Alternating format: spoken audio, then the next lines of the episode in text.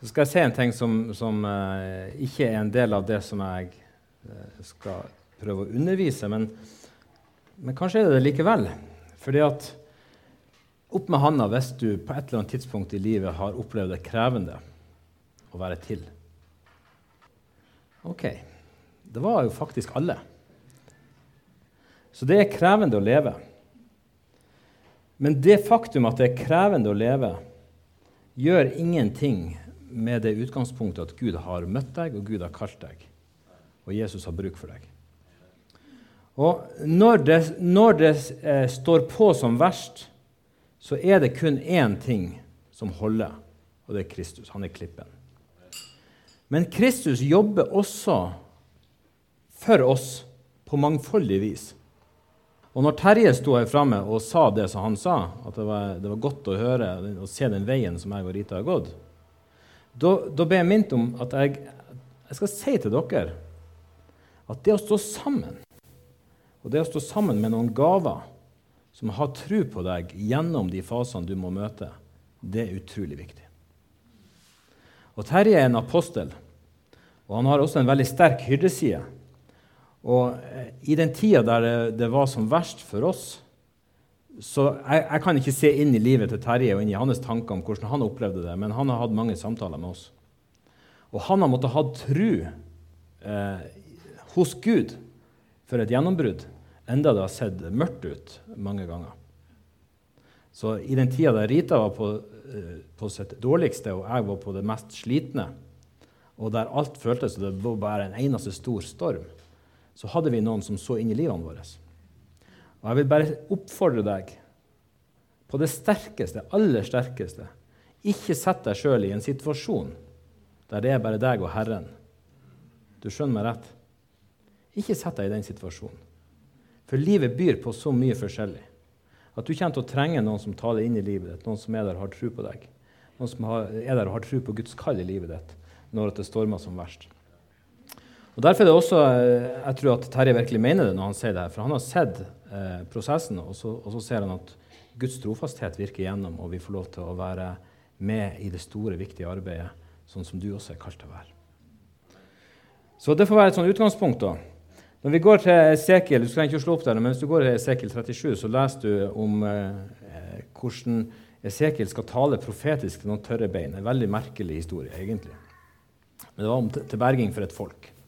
Og så sier, ånden at her, se utover denne dalen det er masse tørre bein som ligger rundt omkring.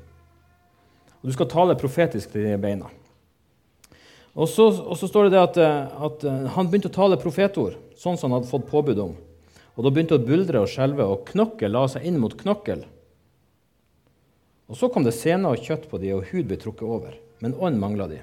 Og Så talte han profetisk, og så kom ånden over det. Og hva skjedde? Jo, det ble levende. Det reiste seg opp og sto på føttene. Det var en kropp, og det var en umåtelig stor hær. Og for oss så er vi egentlig sånn. I utgangspunktet så er vi som noen tørre knokler. Vi har ikke egentlig noe å vise til, vi har ikke egentlig noe å bidra med, for det som Gud vil, det må han gjøre gjennom sin kraft. Og En gang da jeg leste det her Jeg har vært så opptatt av liksom det spektakulære i det her. Men men så oppdaga jeg plutselig at eh, når han taler profetisk, så er det første som skjer, at knoklene begynner å legge seg inntil hverandre. Så det. det var det første som skjedde. Knoklene kom inntil hverandre. Og så kom det ånd. Eller så kom det kjøtt og senner, og så kom det ånd. Så for oss å forstå hvor viktig det er at vi hører sammen Det første som skjer når Gud eh, kaller oss, det er at han legger oss inntil noen andre. Og Det kan være litt sånn ubehagelig, for de det var ikke akkurat de knoklene du hadde lyst til å ligge tett med. Men det var sånn Gud gjorde det. Og så hjelper det veldig på å skjønne at du er en tørr knokkel i utgangspunktet sjøl, for det gjør at du har større nåde med de andre knoklene. Og så bare taler ordet, så kommer ordet talt ut, og så, og så legges de knoklene ved siden av hverandre. Og da er miraklet snart klart for å skje. Og det er så utrolig mange som er tent for et eller annet. Og de flyr rundt omkring i verden og prøver å gjøre storverk i Den hellige ånds kraft. Jeg vil si at vi trenger å være nøkterne. For det Gud drømmer om, det er en kropp som står sammen, som bygger sammen, skulder til skulder. Og det er ikke om å gjøre å gjøre mest mulig spektakulært i løpet av din livstid. Det er om å gjøre å være med på å bygge noe som står. Og i den kroppen og i det huset som du er med på å bygge, så skal du få se mye skje.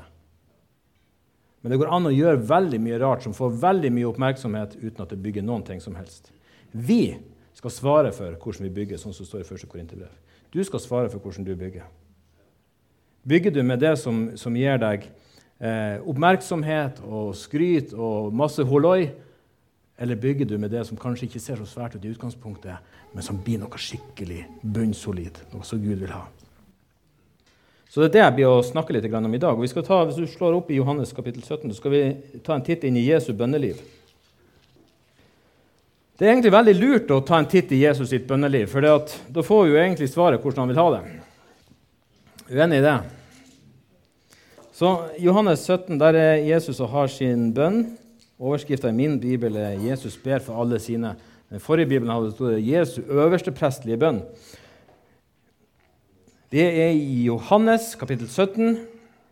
Og Så går vi til vers 9. Nå skal vi høre hva han ber om. Nå skal jeg lese gjennom en, en sekvens her, og så skal jeg kommentere noen av de versene til deg. I vers 9 begynner vi. Jeg ber for dem. Jeg ber ikke for verden, men for dem som du har gitt meg, for de er dine. Alt mitt er ditt, og det som er ditt, er mitt, og jeg er blitt herliggjort gjennom dem. Jeg blir ikke lenger i verden, men de er i verden, og jeg går til deg. Hellige Far, bevar dem i ditt navn, det navnet du har gitt meg, så de kan være ett, slik som vi er ett. Da jeg var hos dem, bevarte jeg dem i ditt navn, det navnet du har gitt meg. Jeg passet på dem, og ingen av dem gikk fortapt, unntatt fortapelsens sønn, så Skriften skulle bli oppfylt. Nå kommer jeg til deg, men dette sier jeg mens jeg ennå er i verden, for at de kan eie min glede i fullt mål. Jeg har gitt dem ditt ord, men verden har lagt dem for hat, for de er ikke av verden, slik heller ikke jeg er av verden. Jeg ber ikke om at du skal ta dem ut av verden, men at du skal bevare dem fra det onde. De er ikke av verden, slik jeg ikke er av verden. Hellige dem i sannheten. Ditt ord er sannhet. Som du har sendt meg til verden, har jeg sendt dem til verden. Jeg helliger meg for dem, så også de skal helliges i sannheten. Jeg ber ikke bare for dem, men også for dem som gjennom deres ord kommer til tro på meg. Må de alle være ett, slik du, Far, er i meg og jeg i deg. Slik skal også de være i oss, for at verden skal tro at du har sendt meg. Den herligheten du har gitt meg, har jeg gitt dem, for at de skal være ett slik vi er ett. Jeg i dem og du i meg, så de helt og fullt kan være ett. Da skal verden skjønne at du har sendt meg, og at du elsker dem som har elsket meg. Far, du har gitt meg dem, og jeg vil at de skal være der jeg er, så de får se min herlighet, den du har gitt meg før, fordi du elsket meg før verdens grunnvoll ble lagt. Rettferdige Far, verden kjenner deg ikke, men jeg kjenner deg, og disse vet nå at du har sendt meg. Jeg har gjort ditt navn kjent for dem, og du skal fortsatt gjøre det, for at den kjærlighet du har hatt til meg, kan være i dem, og jeg selv kan være i dem. Hvilket ord er det som går igjen og igjen og igjen og igjen i denne teksten? her, i denne bønnen her? Hva er temaet? Hva er det han snakker om her? Er det noen som har et forslag? Enhet. Takk. Det er enheter som snakkes om hele tida. Det er en eller annen utrolig enhet som Jesus driver og ber om. Og for oss som bor i denne verden og opplever så mye splittelse og så mye forskjellige ting, så, så er det sånn vanskelig å forstå Jesus, hva er det du egentlig ber om. Er det her mulig? Han snakker om en enhet. En enhet som er av samme kvalitet som når han og far er ett. Oh, det er enheter. Så hvis du går til, til um, vers 11, så står det at Hellige Far, bevar dem i ditt navn, det navnet du har gitt meg, så de kan være ett, slik vi er ett. Og Da er vi tilbake til de her knokene, altså de knoklene som ble føyd sammen. Og det, det, det, er på den måten vi skal være ett. Vi skal stå sammen, vi skal kjenne virkelig den, den nærheten til hverandre, at vi hører sammen, at vi bygger sammen.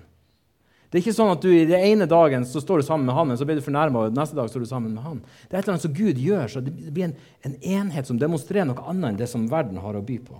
Så det første poenget er at vi skal være ett. Så går du til, eh, til vers 15. Jeg ber ikke om at du skal ta dem ut av verden, men at du skal bevare dem fra det onde. Vi trenger å bli bevart. Jesus ber om at vi skal bli bevart. Hvorfor trenger vi det? Jo, for livet er ikke enkelt, som jeg sa i stad. Det er så mange ting. Det er så mange fristelser, det er så mange utfordringer, det er så mye bedrag, det er så mange stemmer der ute. Det er så mye der ute som gjør at vi kan komme på avveie. og Derfor så ber Jesus for oss, og tro meg, han ber fremdeles om at vi skal bli bevart. Så husk på det i dag. Husk på at hjertet ditt er kilda til ditt liv. Du trenger å bli bevart. Ta vare på hjertet framfor alt du bevarer, for livet går ut fra det. Vi skal være ett, og vi skal bli bevart. Så sier han det at de er ikke av verden, slik som jeg ikke er av verden. Så når du er født på ny, når du, når du er blitt kalt av Jesus, du har møtt han, så må du bare konstatere du er ikke lenger av denne verden. Vers 18. Som du har sendt meg til verden, har jeg sendt dem til verden. Vi er sendt. Du er ikke av verden. Du er av Jesus. Han ber om at du skal bli bevart, og han har sendt deg og meg til, til verden, sånn som han sjøl har sendt.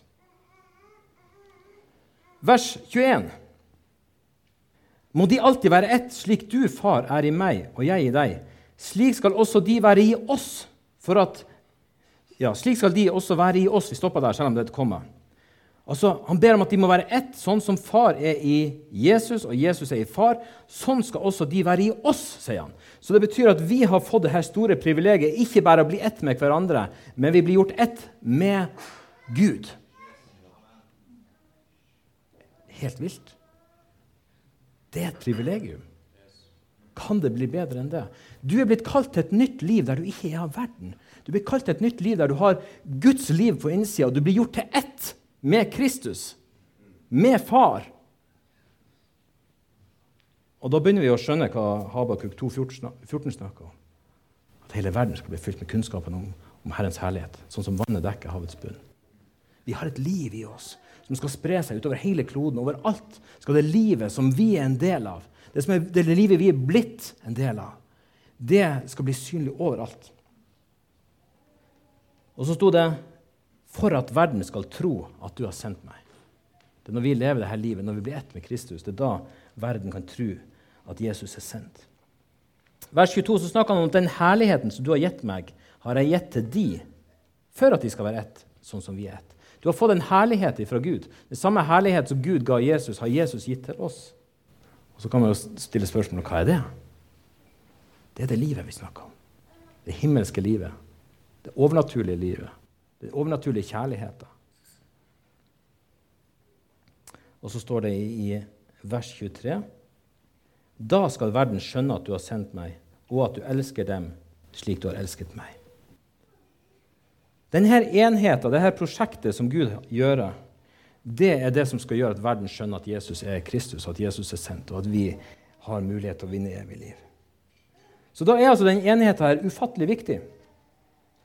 Og da er jeg tilbake til det jeg sa først, altså Vi kan holde på med veldig mange ting som tilsynelatende ser kult ut. Vi kan prøve å overbevise folk om at, at Jesus kan gjøre mirakler, og så lever vi sånne liv som bare er frastøtende. egentlig. Vi demonstrerer noe helt annet. Vi demonstrerer at vi ikke kan stå sammen med en krisen bror, men samtidig så skal vi helbrede syke. Vi kan, få, vi kan hjelpe mennesker til å få øynene opp for hva Jesus gjør, og samtidig så kan vi leve et liv som bare skaper avstand. Men det livet vi er kalt til å leve, det demonstrerer noe annet. Det demonstrerer brorskap. Det demonstrerer enhet. Det demonstrerer kjærlighet. Det er et, et godt liv. Amen. Så i Apostlenes gjerninger kapittel 2 der skjer det jo veldig mye rart. Og jeg vil, jeg vil faktisk påstå at, at uh, i det kapitlet der så får Jesus bønnesvar på denne bønna han ber i Johannes 17. Hva var det Jesus ba i Johannes 17 igjen? La oss ta et lite sånn resymé. Kom, kom, med noen av de punktene jeg, jeg, sa her. At vi er sendt, ja.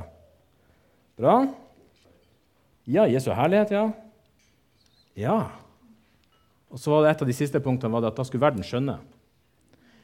Når dere hørte de her resumeene, er dere enige at det som skjer i Apostlenes gjerning kapittel 2, er en slags bønnesvar for Jesus? Det som skjer her skal ikke vi lese så mye fra det, men for dere kjenner det her han er veldig godt. Men det vi vet, er at Jesus døde, han sto opp igjen. Han vandra med disiplene der og lærte dem mye i 40 dager.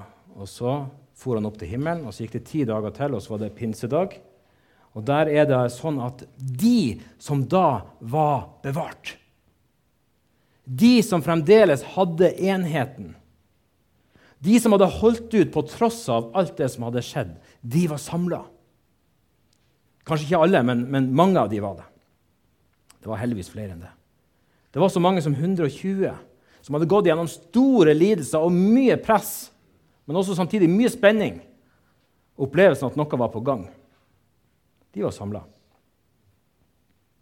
Og De hadde en bevissthet rundt det at de, at de, var sendt, men de hadde samtidig fått et ord fra Jesus om at de måtte vente til de hadde fått det som Jesus hadde lovt.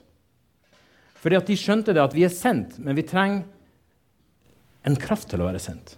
Og Jesus sa at han skulle gi oss det, men vi måtte vente litt. Og da er ikke de sånn overivrige at de bare går i gang. De, da, da, er de der, og så venter de. Så dette er et folk som er én. Det er et folk som er bevart. Det er et folk som vet at de er sendt. Og så er de der og så ber de til Gud. Og så kommer denne herligheten fra Gud over disiplene. Og Da er det lett å fokusere bare på de her ytre, spektakulære hendelsene. Men det, det, første, det, første, som skjedde, og det står, det står i 1. Korinterbrev kapittel 12 Det første som skjedde, det var det at med én ånd så ble vi døpt til å være ett legeme. Én kropp. Så de var i bønn der.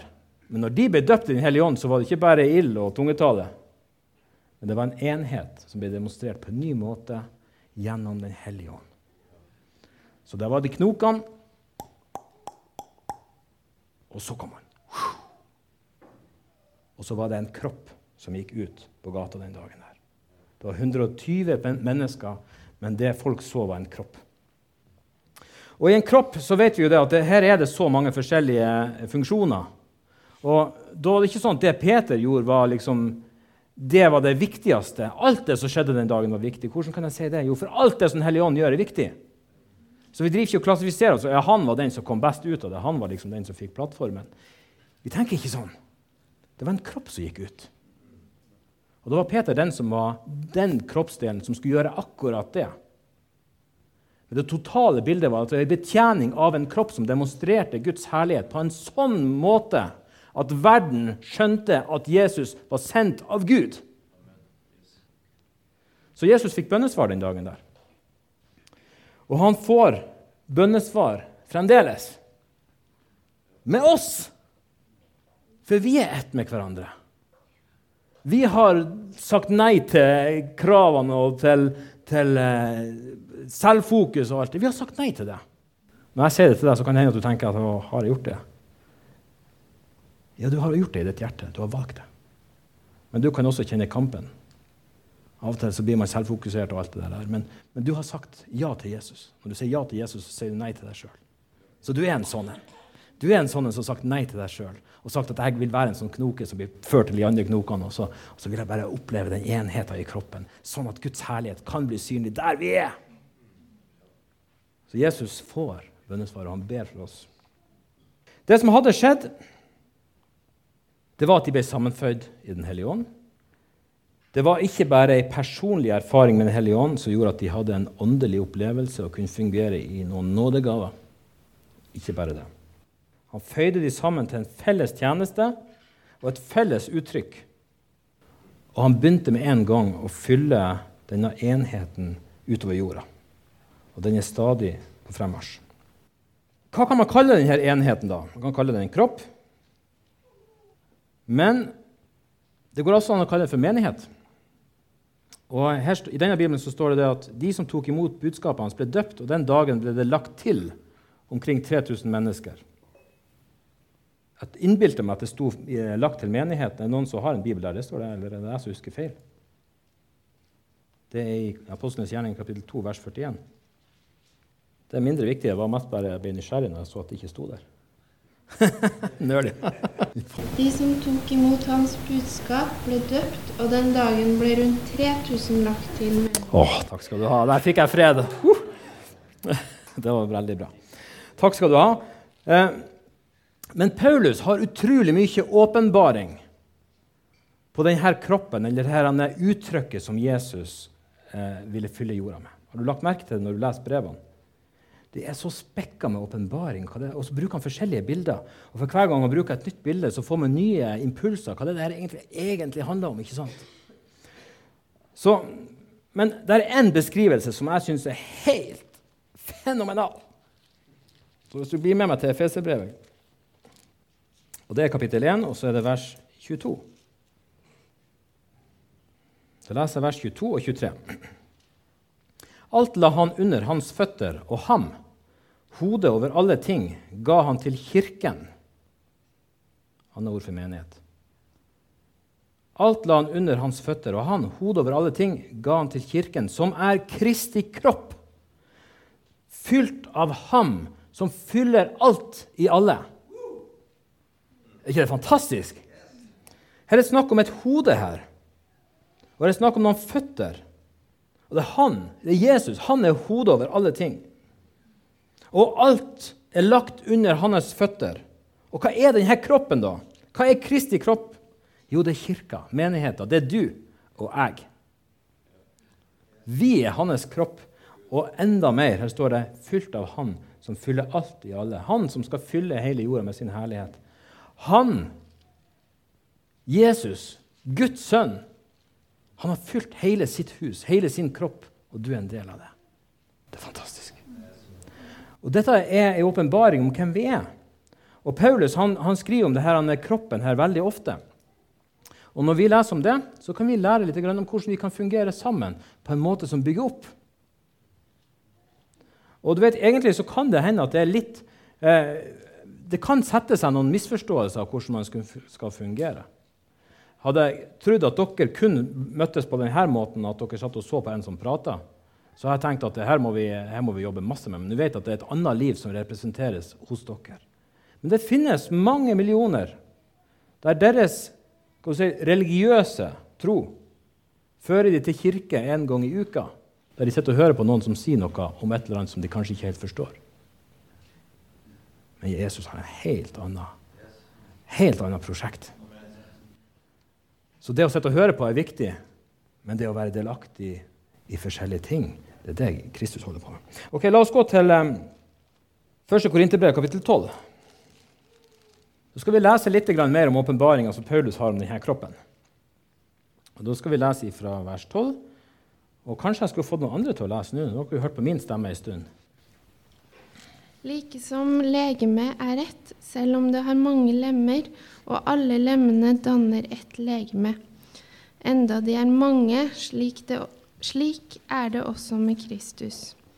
For med én ånd ble vi alle døpt til å være ett legeme, enten vi er jøder eller grekere, slaver eller frie, og vi fikk alle én ånd å drikke. Legemet består ikke av ett lem, men av mange. Om nå foten sier, fordi jeg ikke er hånd, hører jeg ikke med til kroppen, så er den like fullt en del av kroppen. Om øret sier, fordi jeg ikke er øye, hører jeg ikke med til kroppen, så er det like fullt en del av kroppen. Hvis hele kroppen var øye, hvor ble det da av hørselen? Hvis det hele var hørsel, hvor ble det av luktesansen? Men nå har Gud, gitt hvert enkelt lem sin plass på legemet slik han ville det. Hvis det hele var ett lem, hvor ble det da av legemet? Men nå er det mange lemmer, men bare ett legeme. Øyet kan ikke si til hånden, 'Jeg trenger deg ikke', eller hodet til føttene, jeg har ikke bruk for dere. Tvert imot, de lemmer på legemet som synes å være svakest, nettopp de er nødvendige. De deler av kroppen som vi synes er mindre ære verdt, dem gir vi desto større ære. Og de deler vi blyges ved, kler vi med desto større sømmelighet. De andre trenger det ikke. Men nå har Gud føyd sammen legemet og gitt mer ære til det som mangler ære, for at det ikke skal bli splittelse i legemet, men alle lemmene har samme omsorg for hverandre. For om ett lem lider, lider alle de andre med. Om ett lem blir hedret, gleder alle de andre seg. Dere er Kristi legeme, og hver enkelt er dere hans lemmer. Gud satte i kirken først noen til apostler, for det andre profeter, det tredje lærere, deretter mektige gjerninger, nådegaver til å helbrede, hjelpetjenester, styringsoppgaver, ulike slag av tungetale. Er vel alle apostler? Er vel alle profeter eller lærere? Gjør vel alle mektige gjerninger? Har alle nådegaven til å helbrede? Taler vel alle i tunger, eller ty tyder alle tungetale? Streb etter de største nådegavene. Tusen takk. Takk skal du ha. Skal, jeg skal kommentere noe først som jeg ikke skal bruke så, så mye tid på. Men det er det som sto fra vers 23 og så utover. Så sto det om det her med at kroppsdelene skulle ha lik ære. Sånn at hvis, hvis vi følte skam med noe, så skulle vi kle det desto mer sømmelig. Og, og, og, nå har Gud satt sammen kroppen sånn at det som, som mangler ære, får mye ære, for at det ikke skal bli splittelse i kroppen. At alle lemmene skal ha samme omsorg for hverandre. Sånn at Hvis ett lem lir, så lir de andre med. Om ett lem blir hedra, så gleder alle de andre seg.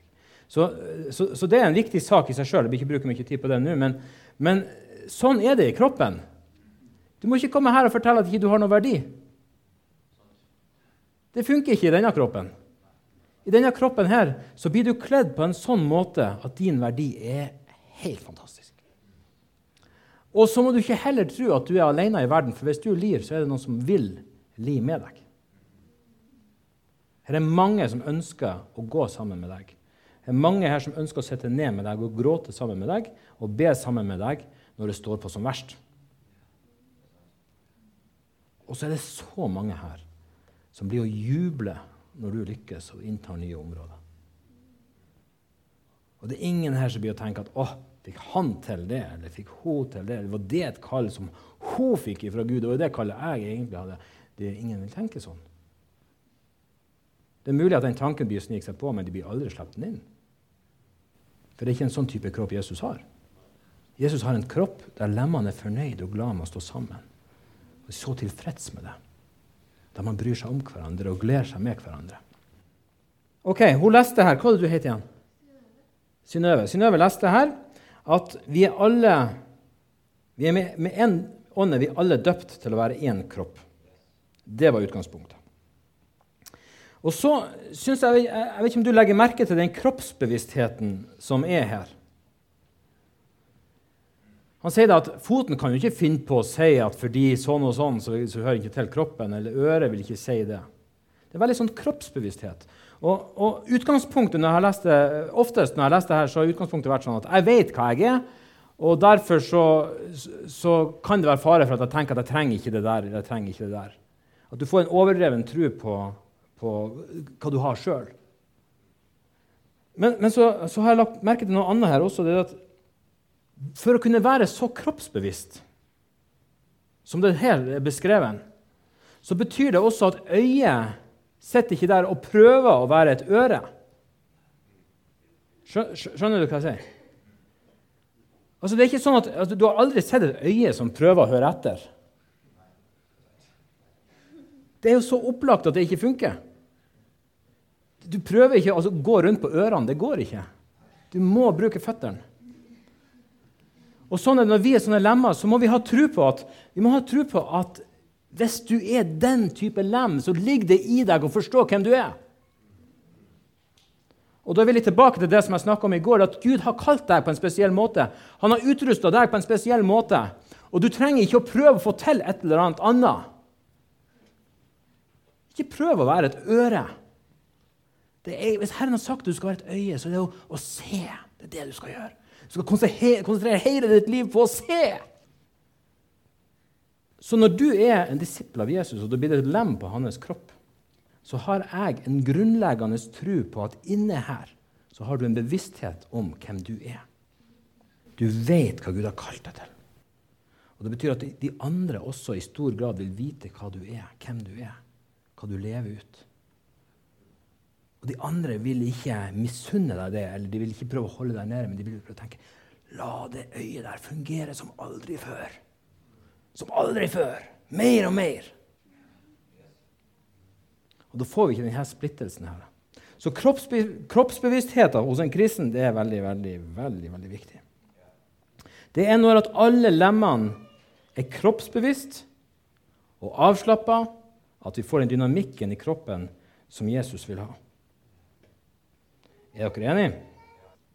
Bra. Vi vil ikke ha splittelse i kroppen. Vi vil ikke ha lemmer som står på sida av hverandre, som skaper avstand for hverandre.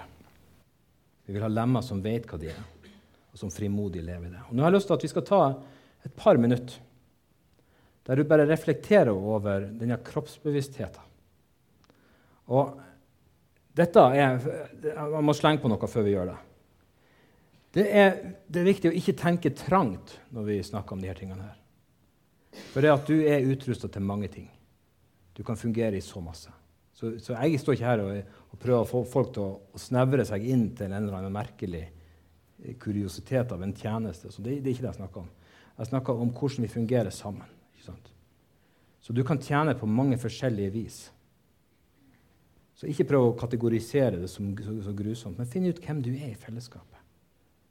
Hva er dine styrker, og fungerer du etter det? Lever du i det som Gud har gitt deg?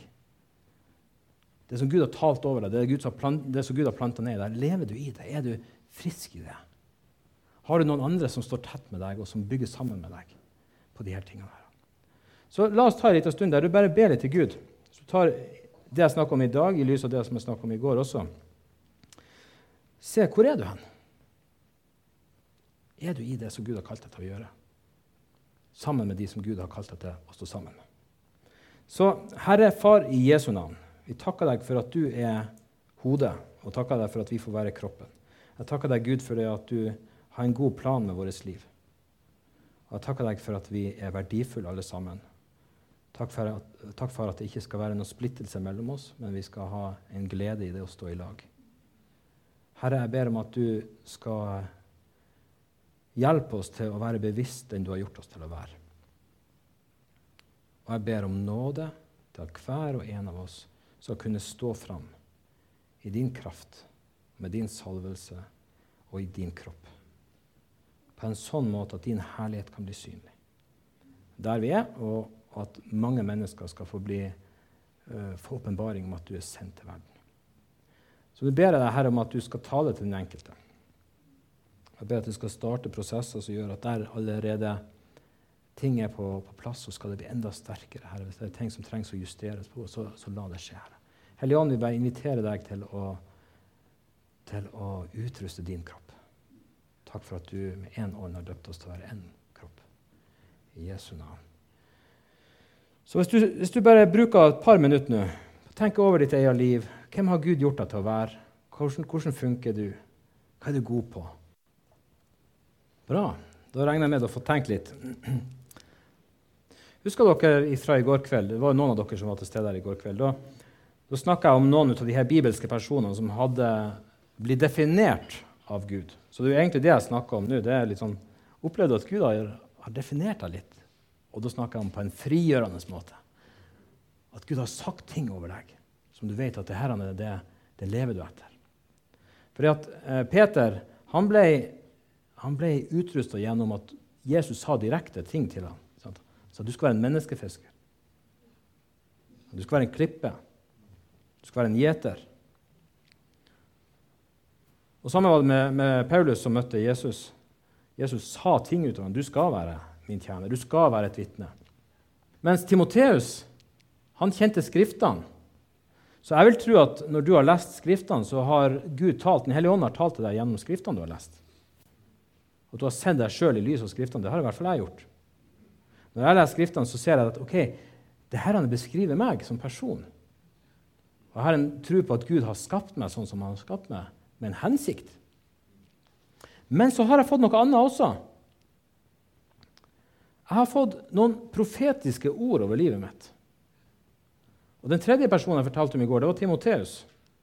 Når Paulus skriver til Timoteus, så sier han at du skal stride din troens gode strid. Og det skal du gjøre i henhold til de profetiske ordene som ble gitt deg når at vi la hendene på deg. Og da lurer jeg på, er det, er det, mange her som vet at de har profetiske ord over livet sitt som de strir i forhold til? Strir i henhold til? Én, to, tre, fire, fem, seks, sju Åtte, kanskje. Det er altså, Opp med hånda de som noen gang har fått et profetisk ord. Ok. Eh, det er sånn at vi kan få profetiske ord som kommer, og så forsvinner de igjen. Og Av og til så er det ord som, som, eh, som, er forfriskende der og da, men som ikke virkelig setter seg i hjertet. Men jeg har fått noen ord som virkelig har gått på dypet av meg, og som har gjort at jeg har stridd i henhold til det profetiske ordet. Og jeg vil oppmuntre deg til å hver gang at du får noe fra Gud, ta vare på det. Gjør som Maria, ta vare på det i hjertet ditt og grunn på det. Og snakk med Gud om det. Ta det profetiske ordet på alvor på en sånn måte at du, at du kan stri i forhold til det som Gud gir deg. Da jeg ble lagt hendene på til helsetjeneste i 2004 2005 2004 var det, så var Erling Thu der, og han brakte et profetisk ord til meg. Og det ordet det strir jeg i forhold til fremdeles den dag i dag. Hvorfor? Jo, fordi at når ordet kom, så smelta det sammen med hjertet mitt. Det smelta sammen med den bevisstheten jeg hadde om hvem Gud har gjort meg til å være. Så det ble en bekreftelse av det kallet som jeg hadde møtt hos Kristus. Så Kristus har talt noe inn i livet mitt som ble bekrefta med noen profetiske ord, som demonstrerte, eller som, som, satte så gode ord på akkurat det jeg hadde følt. Og der ble det et livskall. Og Pga. det livskallet der så er jeg i stand til å tjene sammen med andre brødre og søstre Og jeg driver ikke og sammenligner meg. Jeg har mange kjempeutrusta folk som jeg står sammen med, som gjør ting som ikke jeg er i stand til å gjøre i det hele tatt. Jeg slapper helt av i det. Jeg er så glad for at det er der, for jeg ser at det tilhører, tilhører kroppen. Jeg prøver ikke engang å være det. Jeg slapper av i det, og så tjener jeg i henhold til de tingene som jeg vet, og så jeg vet at Gud har kalt meg til, og så gjør jeg en annen veldig viktig ting, som står i Titus brev. Det står det, Våre egne folk de trenger å hjelpe til der det trengs. Så det er en del ting som hører hjemme i huset, som vi alle sammen bare er med på å hjelpe til på. Trenger ikke et spesielt kall for å gjøre det. Altså, hvis jeg, hvis, jeg, jeg, aner ikke om dere som leda lovsang her i går, om dere har opplevd et spesielt lovsangskall. Det kan godt hende at dere har det. Men tenk at dere bare gjør det. Hvorfor skal vi holde på med det? Jo, for det skal være lovsang i huset. Det skal være tilbedelse og takk i huset. Det skal være glede og dans i huset. Og så hender det at Gud reiser opp noen skikkelig sånne som bare er dedikert til det helt og fullt. Og ære være Gud for det. Men om ikke han reiser opp noen sånne, så kan du ta deg i håndtromme og stå der framme og slå i hvert fall litt, sånn at det blir litt rytme som vi kan danse etter. For det må være tilbedelse i huset. Det må være lovsang i huset. Det må være dans i huset. Det er derfor jeg sier at Vi må ikke være så snever. Vi må ikke prøve å lage et sånt snevert opplegg. Så jeg holder på med mine ting, og, og det må du bare passe inn i alt det andre, og så blir uttrykket helt rart. Nei, vi, vi, vi, hjelper til der det trengs. Og Sånn er det med kroppen også. at Hvis, at, hvis du har forstua tommelen, så klarer de andre fingrene å, å, å, hjelpe til, sånn at det går greit likevel. Så, eh, men det var det ene, da. Nå spurte jeg deg. Hva er det som har fått definert deg? Har du opplevd at Jesus har gitt deg noe å gå med? Det var det ene. Og alle tror jeg har tanker om det. Det neste spørsmålet som jeg vil at du også skal tenke over, det er Hvem har Gud satt deg sammen med? Og vet den som Gud har satt deg sammen med, vet han at det har skjedd? Jeg vet at at Terje og Lise ble satt sammen med Rita og meg. Og tenk, tenk, Tenk å vite om det at Terje og Lise aldri vil forlate oss. Tenk å ha den bevisstheten. Tenk å, å sette seg sammen med Karl Enok og Kurt Roger oppe i Tromsø. de som kjenner de, Karl Enok Thu og, Karl og Kurt Roger Karlsen. Og sette seg sammen med de og planlegge en konferanse. Og så er de full av liv og full av ideer, og vi kan være uenige, og vi kan være, vi kan være enige, og, vi, og, det kan gå, eh, det kan gå eh, på en måte veldig fort, og, og, av og til så blir det litt høy temperatur og sånn. Men vi bare vet at vi er gitt til hverandre. Og vi har sagt det til hverandre òg. Så det gjør at jeg vet at, at nå blir Karl Enok 50, og jeg er eh, snart 42. Og jeg vet at vi skal tjene sammen. Livet ut. Om Gud måtte flytte litt på oss, sånn at det blir litt avstand, så vet jeg vi er gitt til hverandre uansett. Men vi trenger å snakke, folkens. Vi trenger å si det. Jeg står sammen med deg. Jeg skal tjene sammen med deg. Du kan regne med meg. Jeg er her. Vi skal se det som Gud har talt over oss, over denne byen. Det skal vi se i lag, og jeg skal være med på det. Du trenger å vite hvem du er, så trenger du å vite hvem du er satt sammen med. Og den personen må vite det. Så denne helga er en fin helg for å gjøre det. Sett deg ned med noen, ta en kopp kaffe og si at vet du hva, jeg opplever at Gud har kalt oss til å stå sammen. Jeg kan ikke garantere at jeg geografisk skal være på akkurat samme felt som deg resten av livet, men jeg vet at jeg skal stå sammen med deg.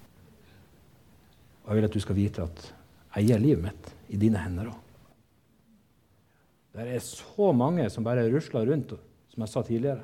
Det er veldig mange som shopper menigheter og går etter det som er hot. Det er bare én ting som er hot, og det er et hus bygd av Kristus. Det er det eneste som er hot.